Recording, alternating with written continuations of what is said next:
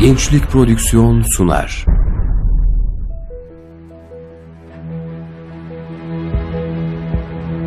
Bizim davamız İslam'dır.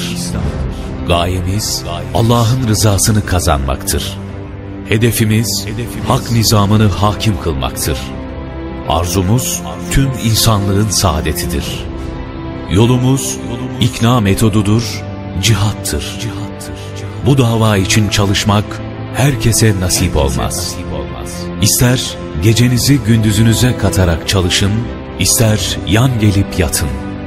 Bu hak davanın başarısını ne bir gün öne alabilirsiniz ne de bir gün geciktirebilirsiniz.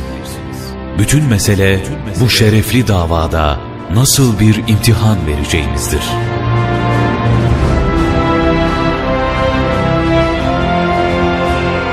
Profesör Doktor Necmettin Erbakan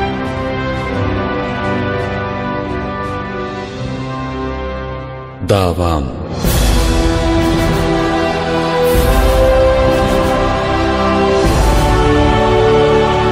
Profesör Doktor Necmettin Erbakan'ın kendi kaleminden mücadelesi, hedefleri ve yaşadıkları. Seslendiren Arif Bildirici. Kayıt montaj Ali Güngör.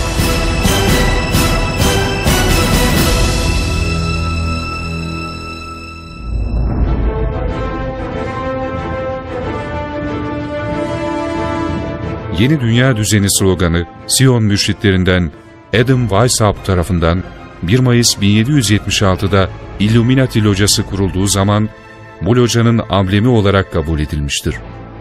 Piramidin alt kısmına Latin harfleriyle yazılmış olan 1776 tarihi, bilmeyenlerin zannettikleri gibi ABD'nin bağımsızlığını kazandığı yıl münasebetiyle değil, ilk Mürşitler Locası'nın 1 Mayıs 1776'da kurulmuş olması dolayısıyla buraya konulmuştur. Bu piramidin en altındaki birinci basamak bütün insanlığı ifade etmektedir. Böylece bu piramit, Siyonizmin bütün insanlığı yani yeryüzündeki 6 milyar insanı nasıl kontrol ettiğini belirtmektedir. İnsanlığı kontrol için kurulan sistem, en tepedeki yöneticilerin arzularının yerine getirilmesi, plan ve programlarının uygulanabilmesi için böyle bir piramit sistemi esas alınmıştır. En alttaki insanlıkla beraber piramitteki bu kademeler 13 kademeyi oluşturmaktadır. 13 sayısı Siyonizm'de Hristiyanların aksine uğurlu sayılan bir sayıdır. Bu dünya teşkilatı inanç itibariyle Siyonizme dayanmaktadır. Siyonizmin temel esasları ise daha önce belirttiğimiz gibi tahrif edilmiş Tevrat'a ve Kabala'ya dayanmaktadır.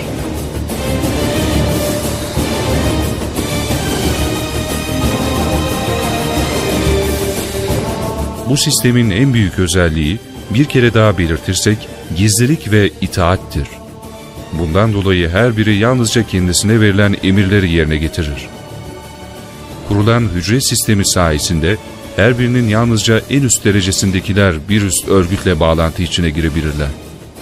Sistemin tümünü bütün sırlarıyla bilenlerse yalnızca en üstteki kabbalist hamlardır. Piramidin en üstündeki üçgen içindeki göz, Mason ilahının gözüdür. Bu sembol, nihai gayeyi temsil etmektedir. Bu göz, Cenab-ı Hak her şeyi görür gerçeğinin karşısında, bizim ilahımız da her şeyi görür, hatta her şeyi daha iyi görür iddiasını temsil etmektedir. İlk bakmaktadır ve şaşıdır. Masonlar birbirleriyle tanışmak için bu parolayı kullanmaktadırlar.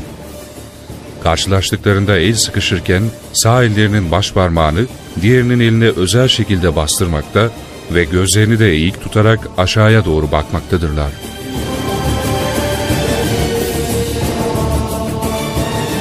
Siyonizm inancına göre şeytan cennetten kovulduktan sonra şimdi yeryüzünde Beni İsrail'e mensup insanlar vasıtasıyla haşa Cenab-ı Hak'tan intikam alacakmış. Siyonizmin temelinde şeytana kulluk etmek yatmaktadır.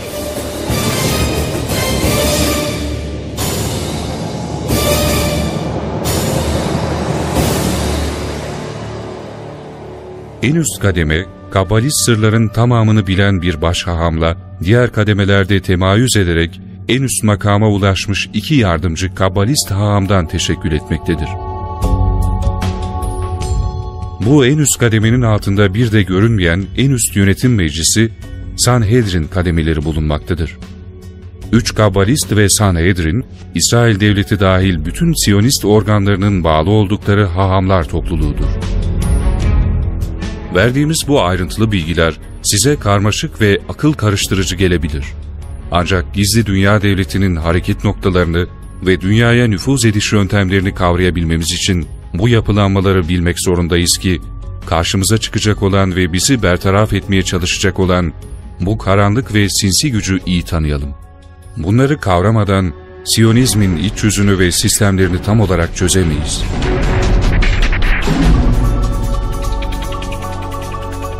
Sanhedrin üyeleri Kabala eğitimi almış olan hahamların arasından seçilirler. Bu gizli yönetim meclisi kadrosunun içinde genel yönetimi gözeten 70 Kabbalist haham, genel gözetim meclisi olarak İsrail'de toplanır. Bu ruhani mecliste herhangi bir eksilme olursa, yerine yeni üyeleri seçme yetkisiyle görevli dört haham bulunmaktadır. Sanhedrin'deki Kabbalist hahamlara bağlı olarak çalışan Yeminli Yetmişler grubu vardır ki bunlar, Siyonizm adına bütün GDD yapılanmasını yönetmektedirler. Siyonizm ve GDD'nin bütün kademeleri bunlara itaat etmeye mecburdurlar. ABD'de Rockefeller, İngiltere'de Rothschild, İtalya'da Agnelli ailesi gibi aileler, Yeminli Yetmişler grubuna dahildirler. Bu grubun ayrıca Avrupa'da ve Japonya'da da ayakları vardır. Bu Yeminliler grubu bütün dünya ülkelerinde teşkilatlanmışlardır. Bu gizli dünya devletini teşkil etmek üzere Yeminli Yetmişler grubuna bağlı birçok alt organizasyon söz konusudur. Bütün bu yapılanmanın amacı, Siyonizmin dünya çapındaki menfaatlerini gözetmektir. Bu teşkilat, bugünkü Birleşmiş Milletler'in de beynini teşkil etmektedir. Birleşmiş Milletler Teşkilatı'nın bütün kilit noktalarındaki üyeleri vasıtasıyla uluslararası kararları istediği şekilde yönlendirmektedirler. Esasen Birleşmiş Milletler Teşkilatı gizli ve derin güçler tarafından bunun için kurulmuştur. Bnai Brit yani Ahid'in çocukları, Masonluk ve Bilderberg gibi geniş Siyonist teşkilatlardan birisidir. Bnai Brit, 1938'de dört önemli Siyonist organizasyonun taktiklerini ve planlarını hazırlayan Genel Yahudi Kurultayını oluşturmuştur. Bnai Brit kendisine bağlı Alep Zadik Alep adlı teşkilat vasıtasıyla bütün dünyadaki 13-21 yaş grubuna mensup gençlere Siyonizm düşüncesini aşılamak üzere faaliyette bulunmaktadır.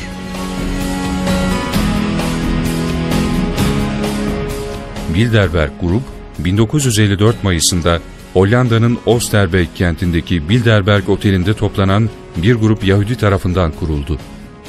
Grubu tasarlayıp oluşturan asıl kurucu, İsveç farmasonluğunda Üstad-ı Azam olan Yahudi din adamı Joseph Rettinger'dir. Bu gizli grubun finansmanının önemli bir kısmını Amerika'daki Yahudi Rockefeller Vakfı karşılamaktadır. Diğer finansör ise ünlü Yahudi banker Rothschild ailesidir. Bilderberg çok uluslu bir hükümet gibidir. Gizli yönetim merkezi, diğer Yahudi örgütlerinde olduğu gibi İsrail'dedir. Bilderberg'i yönlendirenler, hahamlar ve 33. dereceden masonlar arasından seçilir. Grubun Yahudilerinden oluşan 25 yönetici kadrosu, dünya hakimiyetini gerçekleştirmeye yönelik emirleri hahamlardan alır. Bu emirler, dünyanın pek çok yerinde önemli kariyerlere sahip ülkeler sayesinde kolaylıkla uygulamaya geçirilir. Bilderberg birçok kaynakta dünyanın efendileri şeklinde tanımlanır. Bilderberg grubunun geçmişine ilişkin çok fazla kaynak bulma imkanı yoktur. Başvuru kaynaklarında kurulduğu yer, tarih ve toplantılara katılan bazı önemli şahısların isminin dışında bir bilgi bulmak mümkün değildir. Kurulduğundan bu yana Bilderberg toplantılarının tamamı basına ve kamuoyuna gizli yapılmış, burada konuşulanlar hakkında hiçbir kimse bilgi sahibi olamamıştır. Bu toplantılara katılanlar, burada konuşulanları ne pahasına olursa olsun bildirmeyeceklerine yemin ederler.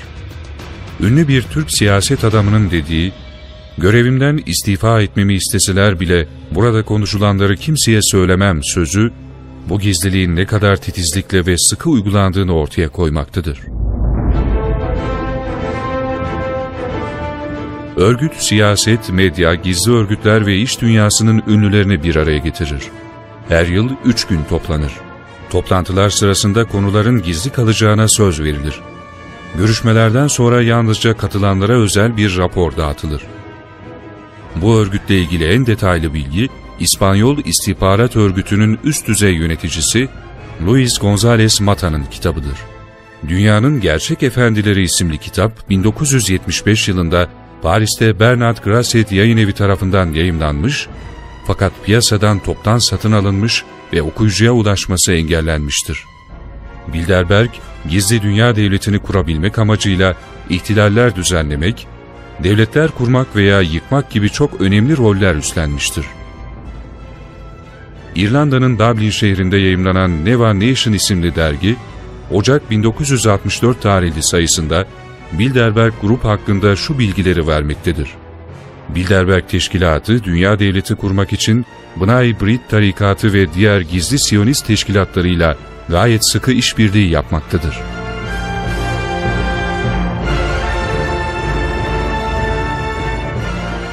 Bilderberg'in dünya çapında her büyük olayda etkisi vardır. Amacı dünya ekonomisini ve siyasetini Siyonizmin çıkarları doğrultusunda planlamaktır. Pek çok zengin ülke Mason liderler önderliğinde başlatılan sözde bağımsızlık hareketleriyle sömürgecilikten kurtarılmış gibi gösterilmiştir. Daha sonra başa geçirilen Mason devlet başkanları aracılığıyla bu ülkelerin servetlerinin sömürülmesi daha da artmıştır. Siyonizmin en büyük amacı olan Yahudi egemenliğinde birleşmiş bir dünyanın ilk basamağı olarak Avrupa Birliği'nin temelini oluşturan Roma Antlaşması da Bilderberg toplantılarında kararlaştırılmıştır. Bilderberg'in en önemli faaliyeti Trilateral Komisyonu'nu kurmasıdır. Bu komisyon Bilderberg'in çocuğu olarak bilinir. Amerikalı finansör ünlü Yahudi Rockefeller, Kuzey Amerika, Avrupa ve Japonya'yı kapsayan özel kişilerden oluşan etkili bir ekonomik grubun kurulması konusunu ilk olarak Bilderberg toplantısında ortaya atmıştır. Grup, en ünlü ve güçlü isimleri üye olarak seçmektedir. Bilderberg'in her seneki düzenli toplantılarında burada alınan kararları iletmek ve uygulamak amacıyla mutlaka üst düzeyde bir NATO yetkilisi bulunur. Çünkü NATO, küresel emperyalizmin silahlı gücüdür. Washington'daki Dışişleri Bakanlığı göstermelik bir kurumdur. Amerika'nın gerçek Dışişleri Bakanlığı, gizli dünya devleti yöneticilerinin kontrolündeki CFR'dir. Dış İlişkiler Konseyi isimli bu oluşum, ABD'nin son 50 yılındaki Dışişleri Bakanlarının eğitim ve çıkış yeri olmuştur. Konsey birçok ünlü politik lideri, fikir adamını ve sanayiciyi bir araya getirmektedir. Grup düzenli seminerlerden ve haftalık toplantılardan ayrı olarak yemekler verip Yahudi dünyasının ünlü isimlerini bir araya getirir. Bu kuruluşun bütün maddi giderleri Wall Street bankerleri tarafından karşılanır. Bu çevrelerin yoğun destekleriyle kuruluşundan çok kısa bir süre sonra dış politikada etkin rol oynamaya başlamıştır. 37 daimi üyesinin 10 tanesi Yahudi, diğerleri ise yüksek dereceli masondur. İkinci Dünya Savaşı'nda yüz binlerce insanın ölümüne yol açan atom bombası da bu Amerikan Siyonist lobisi tarafından planlanmıştı. Konsey, İkinci Dünya Savaşı sırasında yüz binlerce insanın ölümüne neden olan atom bombasının kullanımı konusunda kilit rolü oynadı. 1945 yılında bomba hakkında kararları alan komite, CFR üyelerinden oluşmaktaydı.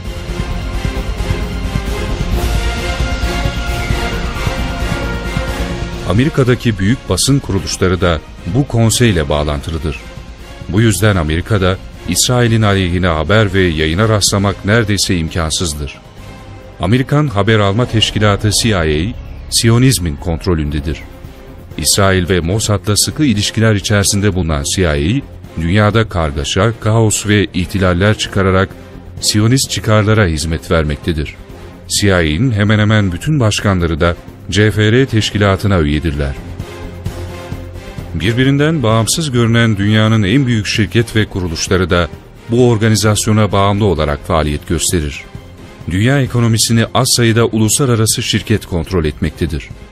1970'lerde Siyonist ve Mason sermayeli şirketlerin iş adamları, Amerika'nın dünya ekonomisindeki egemenliğini sağlamak için Business Roundtable isimli oluşumda bir araya gelmiş ve kısa sürede Amerika'nın en önde gelen politik güce sahip şirketler topluluğu haline almıştır.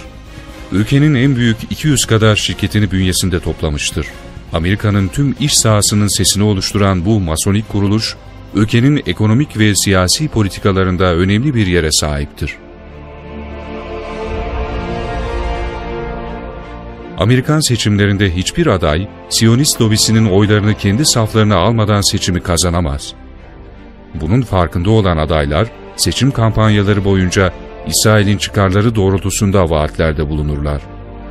Beyaz Saray'a seçilen başkana düşense, kendisini seçtiren bu topluluğa karşı verdiği sözleri yerine getirmektir.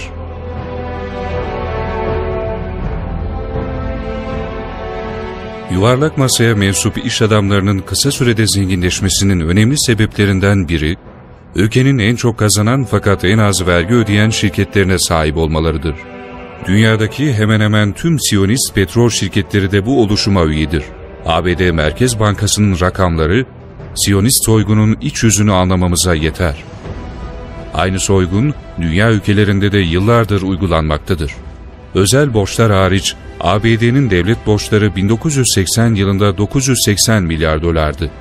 Sadece 8 yıl sonra 1988 yılına gelindiğinde 5 trilyon dolar oldu. Bu 4 trilyon dolarlık borç kimden alındı? Gizli Dünya Devleti yöneticilerinden Rockefeller ailesinin bankalarından. Amerikan devletinin aldığı borçlar için ödediği faiz 1989'da 500 milyar doları bulmuştur. Bu faiz Gizli Dünya Devleti'nin kasalarına gitmektedir. Sadece ABD'nin değil, hemen hemen bütün dünya ülkelerinin merkez bankaları bu güçlerin kontrolü altındadır. Bu acımasız sömürü düzeni yine faiz yoluyla bizim ülkemizde de uygulanmaktadır. Zira 1995'te Türkiye'nin dış borcu 75 milyar dolarken bugün bu borç 480 milyar dolara ulaşmıştır. Üstelik bu borç freni patlamış bir kamyonun yokuş aşağı inmesi gibi kontrolsüz bir şekilde yükselmeye devam etmektedir. Küresel güçlerin uluslararası bankerleri zamanla özel kurumlar olarak çeşitli Avrupa Merkez Bankalarını ele geçirdiler. İngiltere Merkez Bankası, Fransa Merkez Bankası ve Almanya Merkez Bankası zannedildiğinin aksine o hükümetlerin özel mülkiyeti değil, devlet tarafından ödünç verilen kişisel monopollerdir. Bu sistemin hizmetçilerinden İngiltere Middle Bankası'nın başkanı Reginald McKenna şöyle söylemektedir. Paraları ve kredileri çıkaranlar ve dağıtanlar, hükümetlerin tedbirlerini yönlendirmekte ve halkların kaderlerini ellerinde tutmaktadırlar.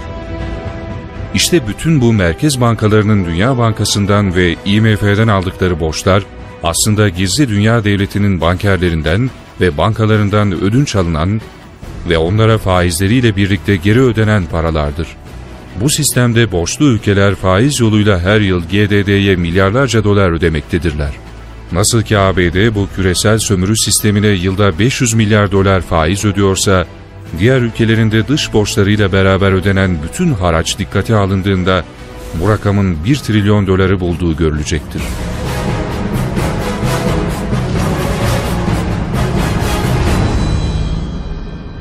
Davam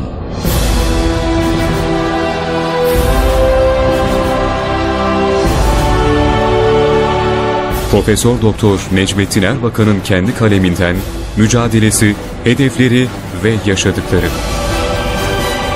Seslendiren Arif Bildirici. Kayıt montaj Ali Güngör.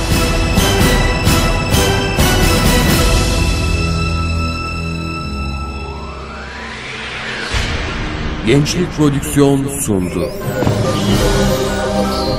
0332 350 7801